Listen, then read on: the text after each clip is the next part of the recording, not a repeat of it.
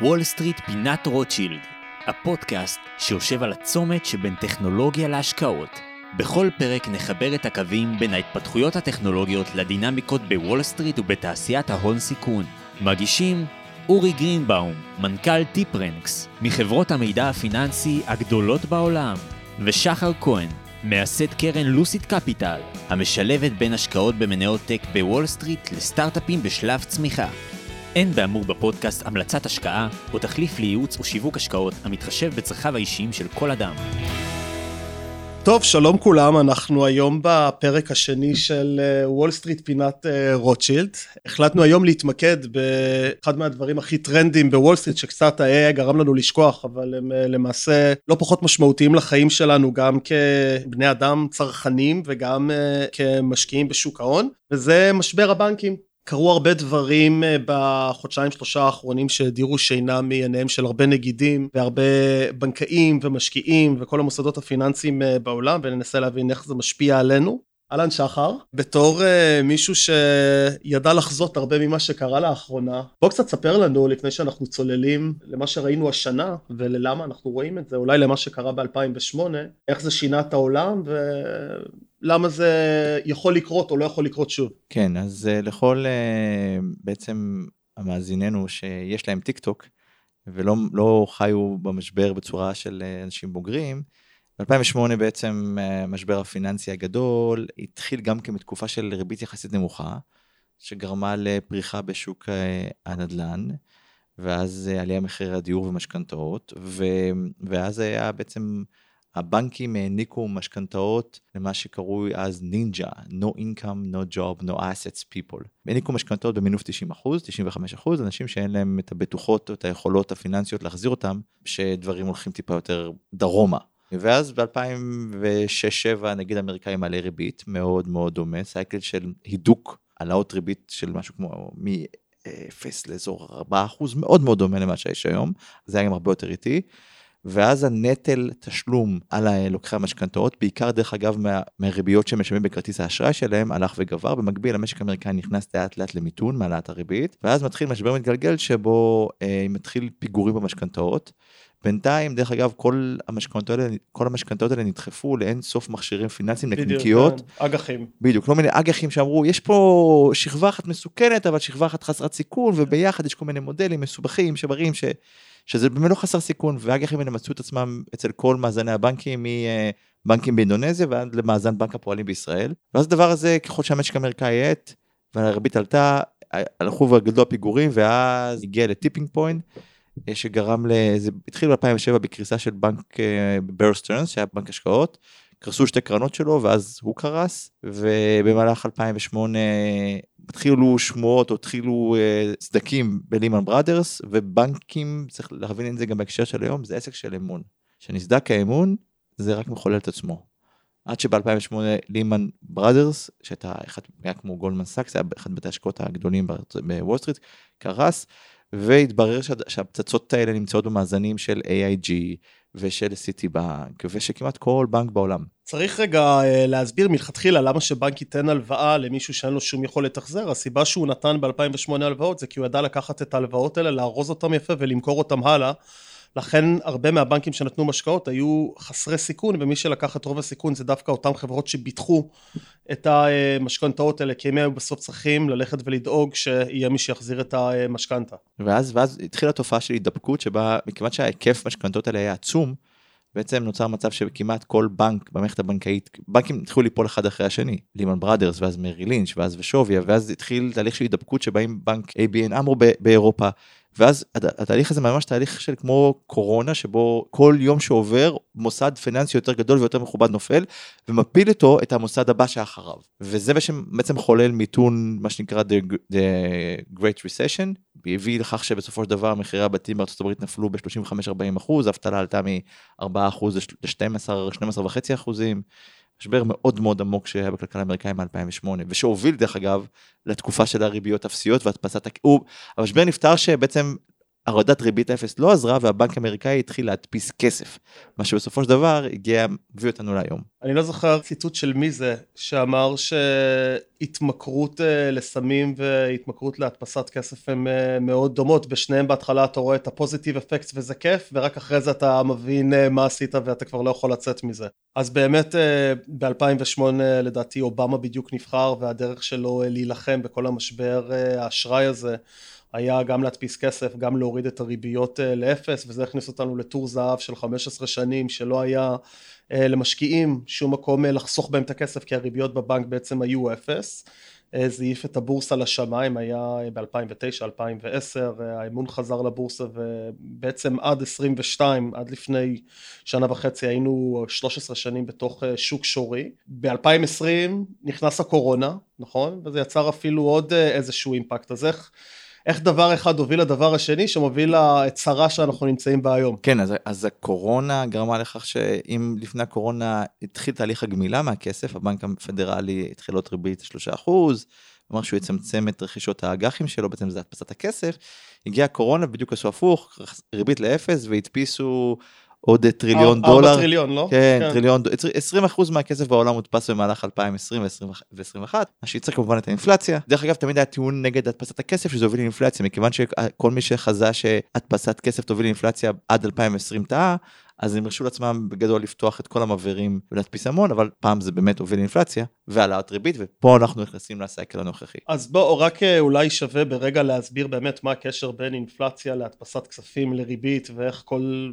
איך המאזן הזה עובד למי שפחות מכיר. ריבית זה מה שהבנק המרכזי של מדינה מוכן לשלם או להלוות כסף. וזה בעצם הדרך של הנגיד להילחם בעליות מחירים. עליות מחירים זה אינפלציה מהמילה inflation מחירים שמתנפחים בעצם כשמחירים מתחילים לעלות הדרך לעצור את זה היא אה, או היא לא בעצם או היא להעלות את הריבית וזה בעצם להגיד לך תראה הכסף שלך שווה יותר מדי בשביל שתבזבז אותו. בוא תשים אותו בבנק תקבל ריבית כדאי לך מלקנות עכשיו טסלה חדשה. כשהבנק רוצה לעודד צריכה אה, כשהוא אומר לך לך תוציא כסף הוא מוריד את הריבית הוא אומר הכסף שלך לא שווה שום דבר במילא תבזבז אותו כמו משוגע.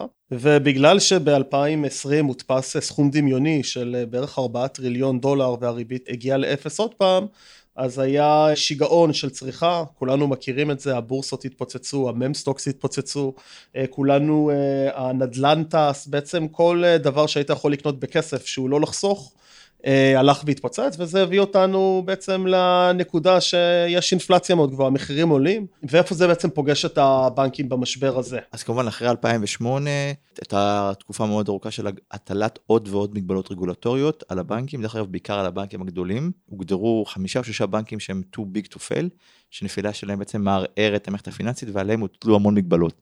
דווקא לבנקים הבינוניים, בנקים אזוריים, הוטלו פחות מגבלות, ובמהלך השנה האחרונה ריבית עולה, גם בהעלאת הריבית החדה בהיסטוריה אני חושב, מ-0 ל-5% בשנה, זה מספרים... אה, כן, אנשים, יש דור שלם שבכלל לא יודע מה זה ריבית, שגדל ב-15 השנים האחרונות בריבית 0. לגמרי. הם שכחו שפעם הריביות היו בין 5 ל-10%. נכון. כן. נכון, ואז, ואז בעצם שמתחילים להיווצר בעיות בבנקים, תמיד זה מתחיל במקומות יותר איזוטריים או יותר מאוד מסוכנים, למשל בנקים שנתנו הלוואות לקריפטו, כמו סיגניצ'ר או סילברגייט שנכנסים לבעיות, ואז זה מתחיל להגיע לתוך לב המערכת הפיננסית האמריקאית, והפעם זה לא מגיע, עדיין לא מגיע משכנתאות, דווקא מגיע מאג"חים שהם הכי בטוחים כביכול. התהליך התחיל עם, עם סיליקון וואלי בנק שהיה בנק בין העשר הגדולים בארצות הברית במהלך תקופת הגאות בטק כל החברות הייטק שגייסו כסף שמו אצלו פקדונות ובמקביל לקחו הלוואות אה, או נתנו הלוואות לחברות אחרות ואז נוצר לו מצב שהיה לו המון המון כסף פקדונות. נכון.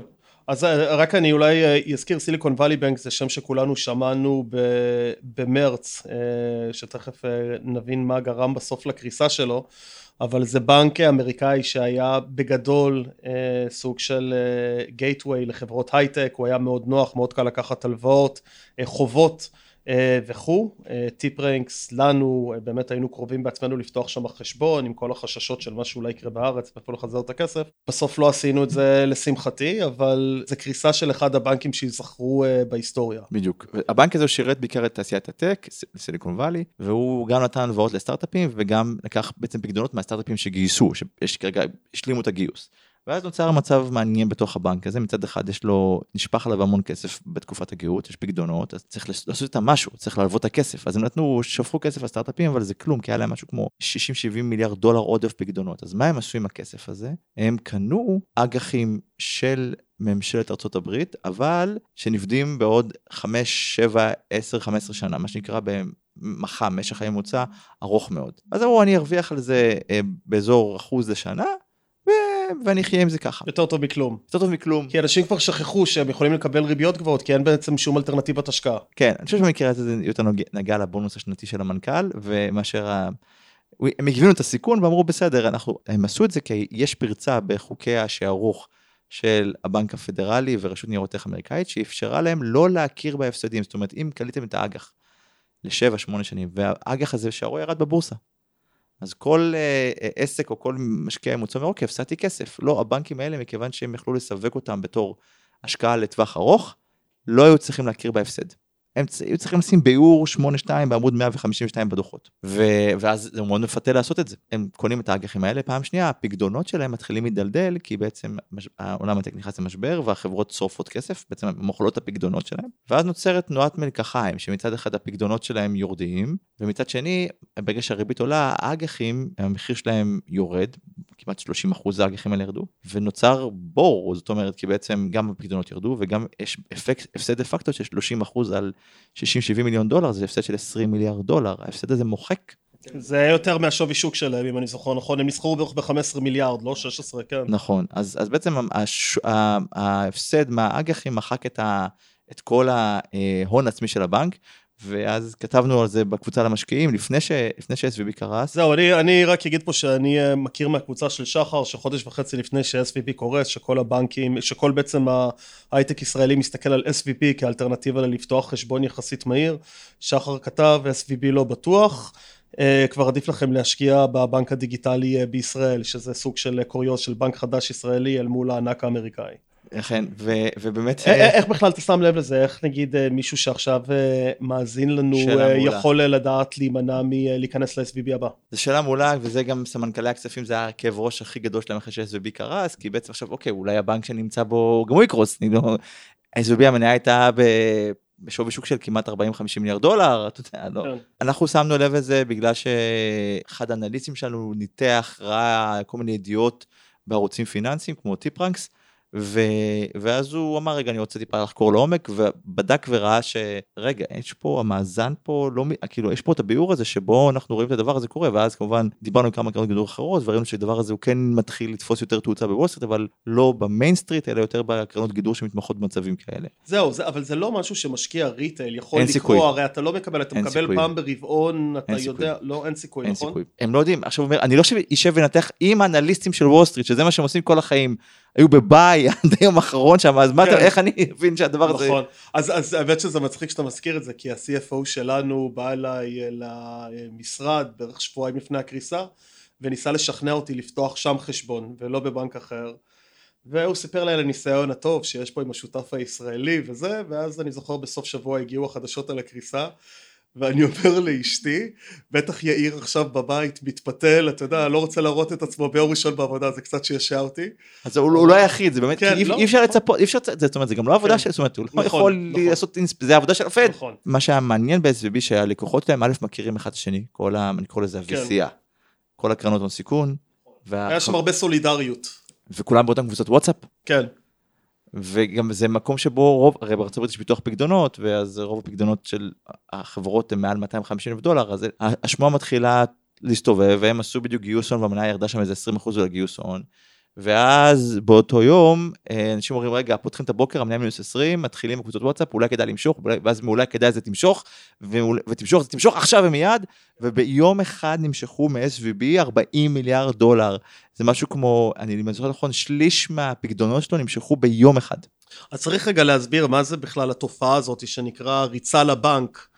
אה, שזה בעצם הרוצח אה, של האמיתי של כל הבנקים יש אה, בנק מחויב לפי החוק להחזיק איזשהו סכום אה, מסוים, קוראים לזה בעצם יחס אה, אלימות הון, כמה הבנק יכול להלוות אל מול כמה הוא מחזיק. אז לצורך העניין, אם הבנק נותן הלוואות של 100 מיליון שקל, והדרישה ממנו ליחס אלימות הון של 10 אחוז, זה אומר שהוא מחויב להחזיק לפחות 10 מיליון שקל בקופה, למקרה שמישהו ירצה את הכסף שלו בחזרה.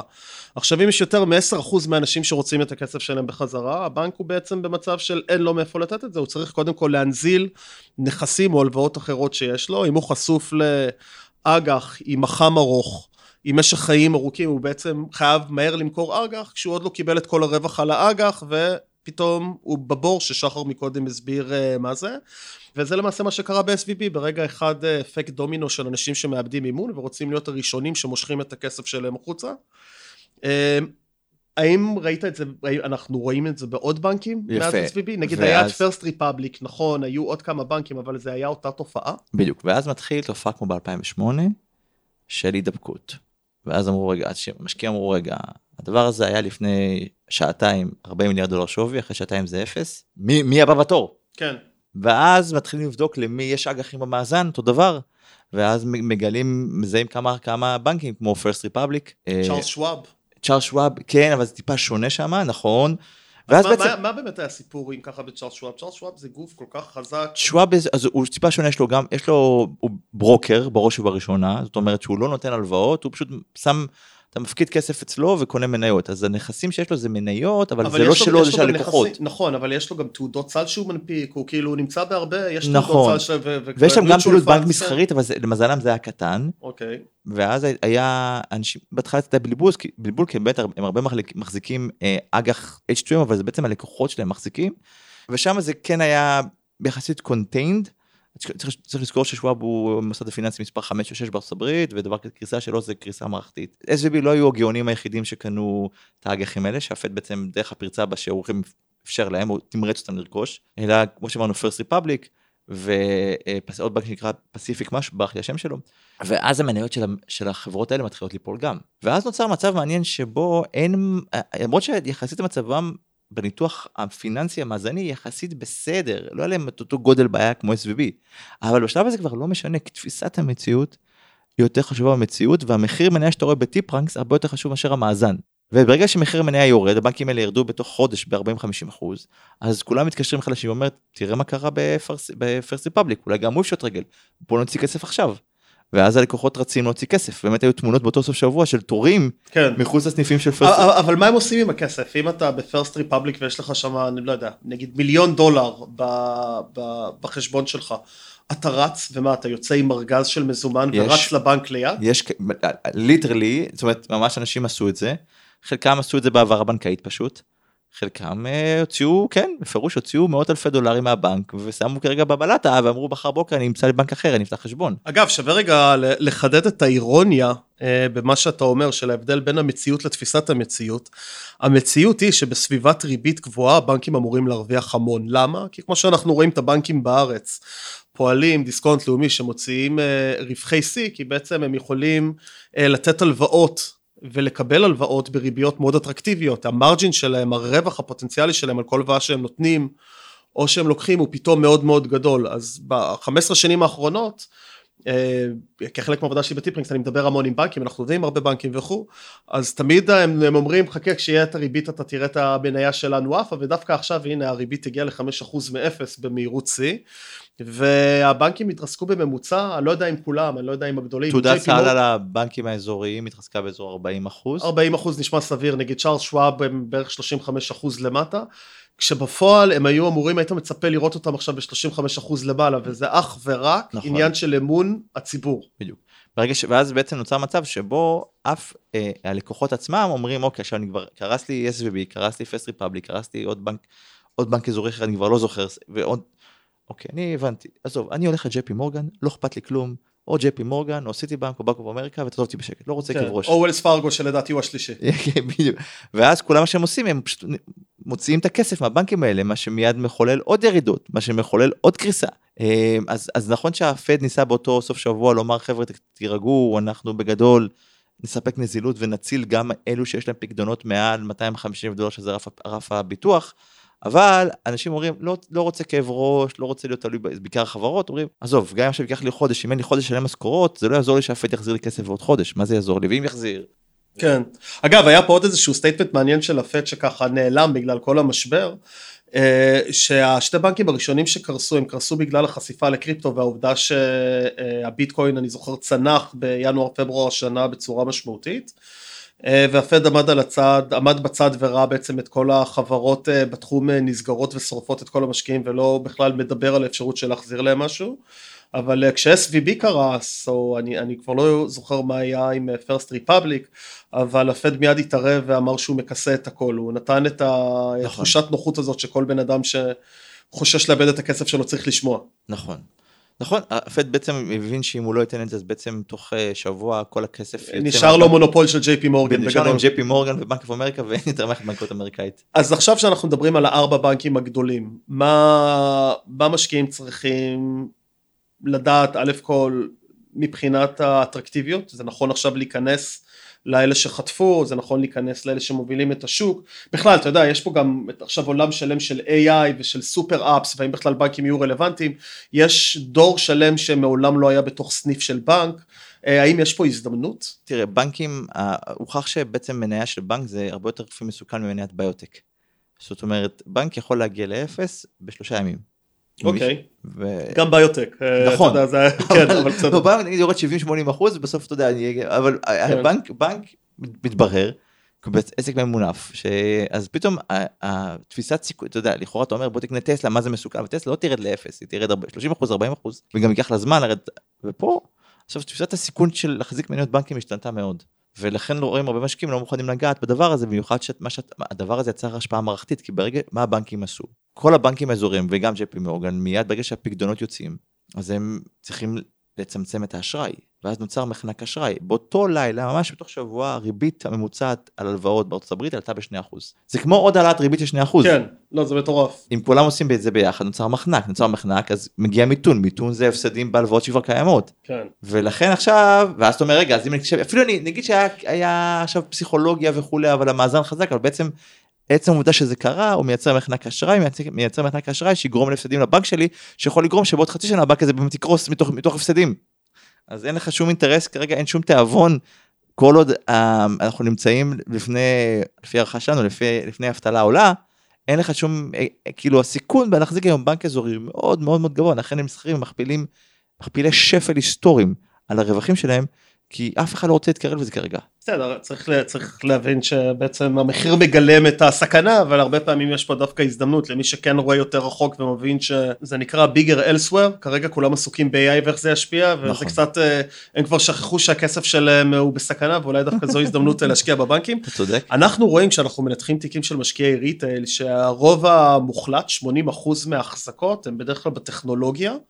אה, יש אחרי זה קצת מניות של אה, value, כל ה-AT&T, חברות תקשורת, החברות שמחלקות דיבידנטים, ורק אחרי זה אפשר לראות את החשיפה ל-financial sector, שזה בערך 3 אחוז.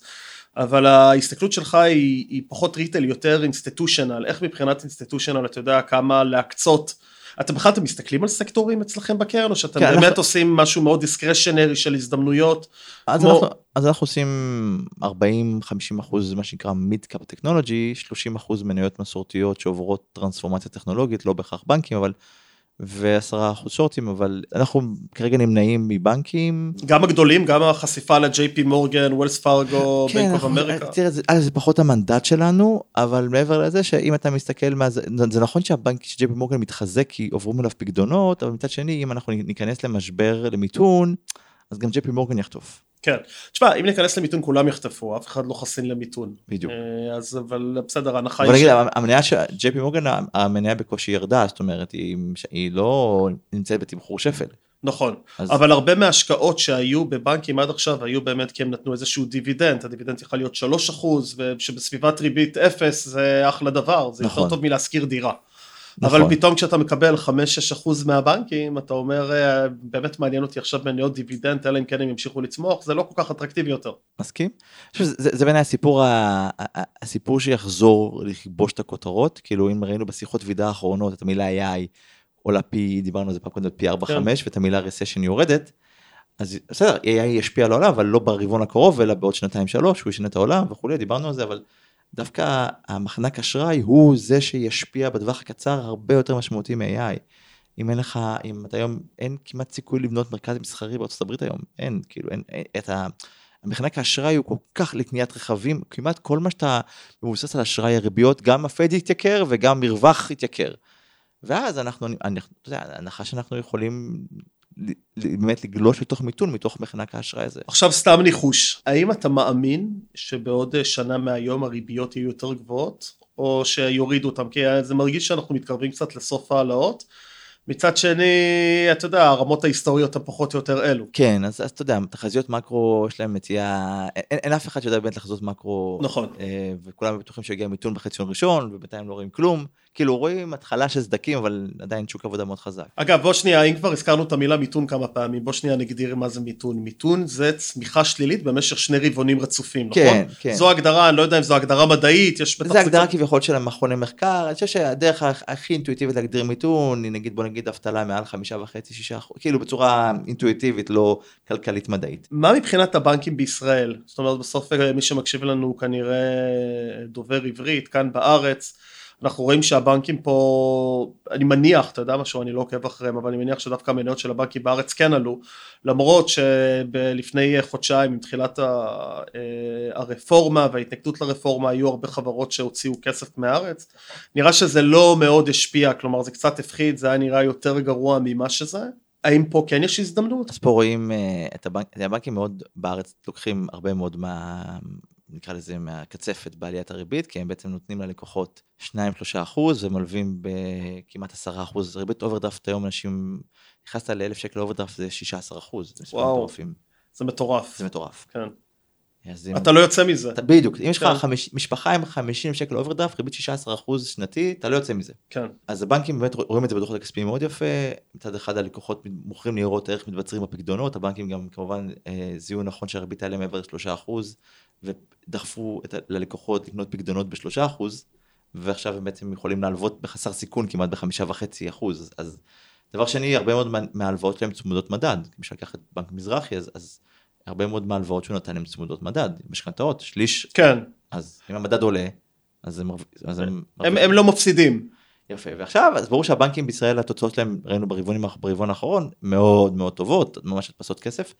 מצד שני, אז, אז הגיע שר האוצר שלשום ואמר, אה, אנחנו, הולכים לפקח. אנחנו זה, זה מעולה, כי למדינה חסר כסף, התקציב הוא לא בדיוק מתכנס ל, למס, למסגרת שלו, אז מאיפה ניקח כסף? נעשה מס אה, רווחי יתר על הבנקים.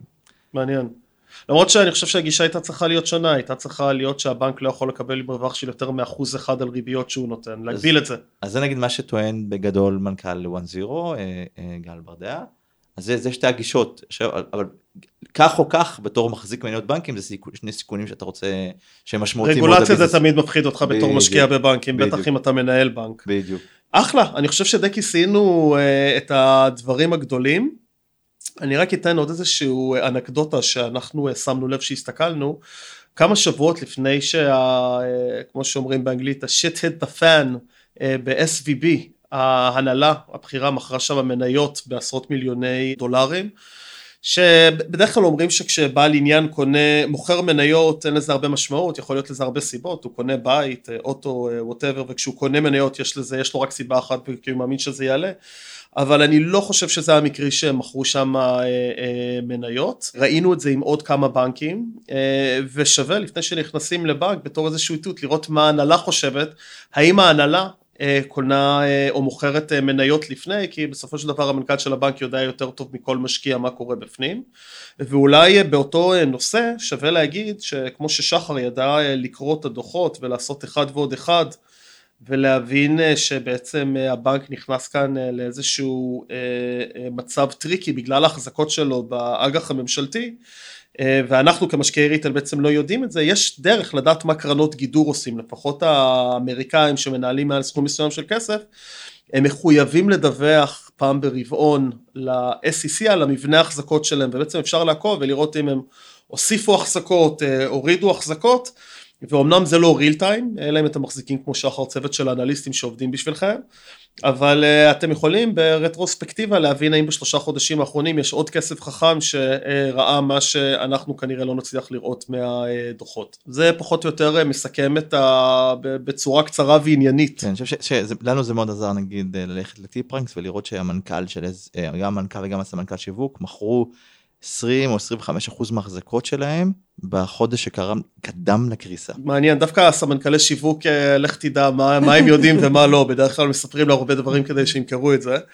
אבל uh, בכל מקרה, אנחנו מקווים שהיה לכם uh, מעניין, אנחנו מאוד מאוד מאוד פתוחים לפידבק ולרעיונות על נושאים שאנחנו הולכים לדבר עליהם. שבוע הבא אנחנו מתכננים לעשות פרק מעניין במיוחד על כל עולם האוטוטק ונביא מישהו שהוא מוביל דעה עולמי. שיצטרף אלינו בעברית, כי ישראל היא אימפריה בתחום הזה, ושיהיה אחלה סוף שבוע. אחלה סוף שבוע. תרוויחו הרבה כסף. תודה רבה. תודה רבה שחר. תודה רבה שהאזנתם לוול סטריט פינת רוטשילד. נשתמע בפרקים הבאים.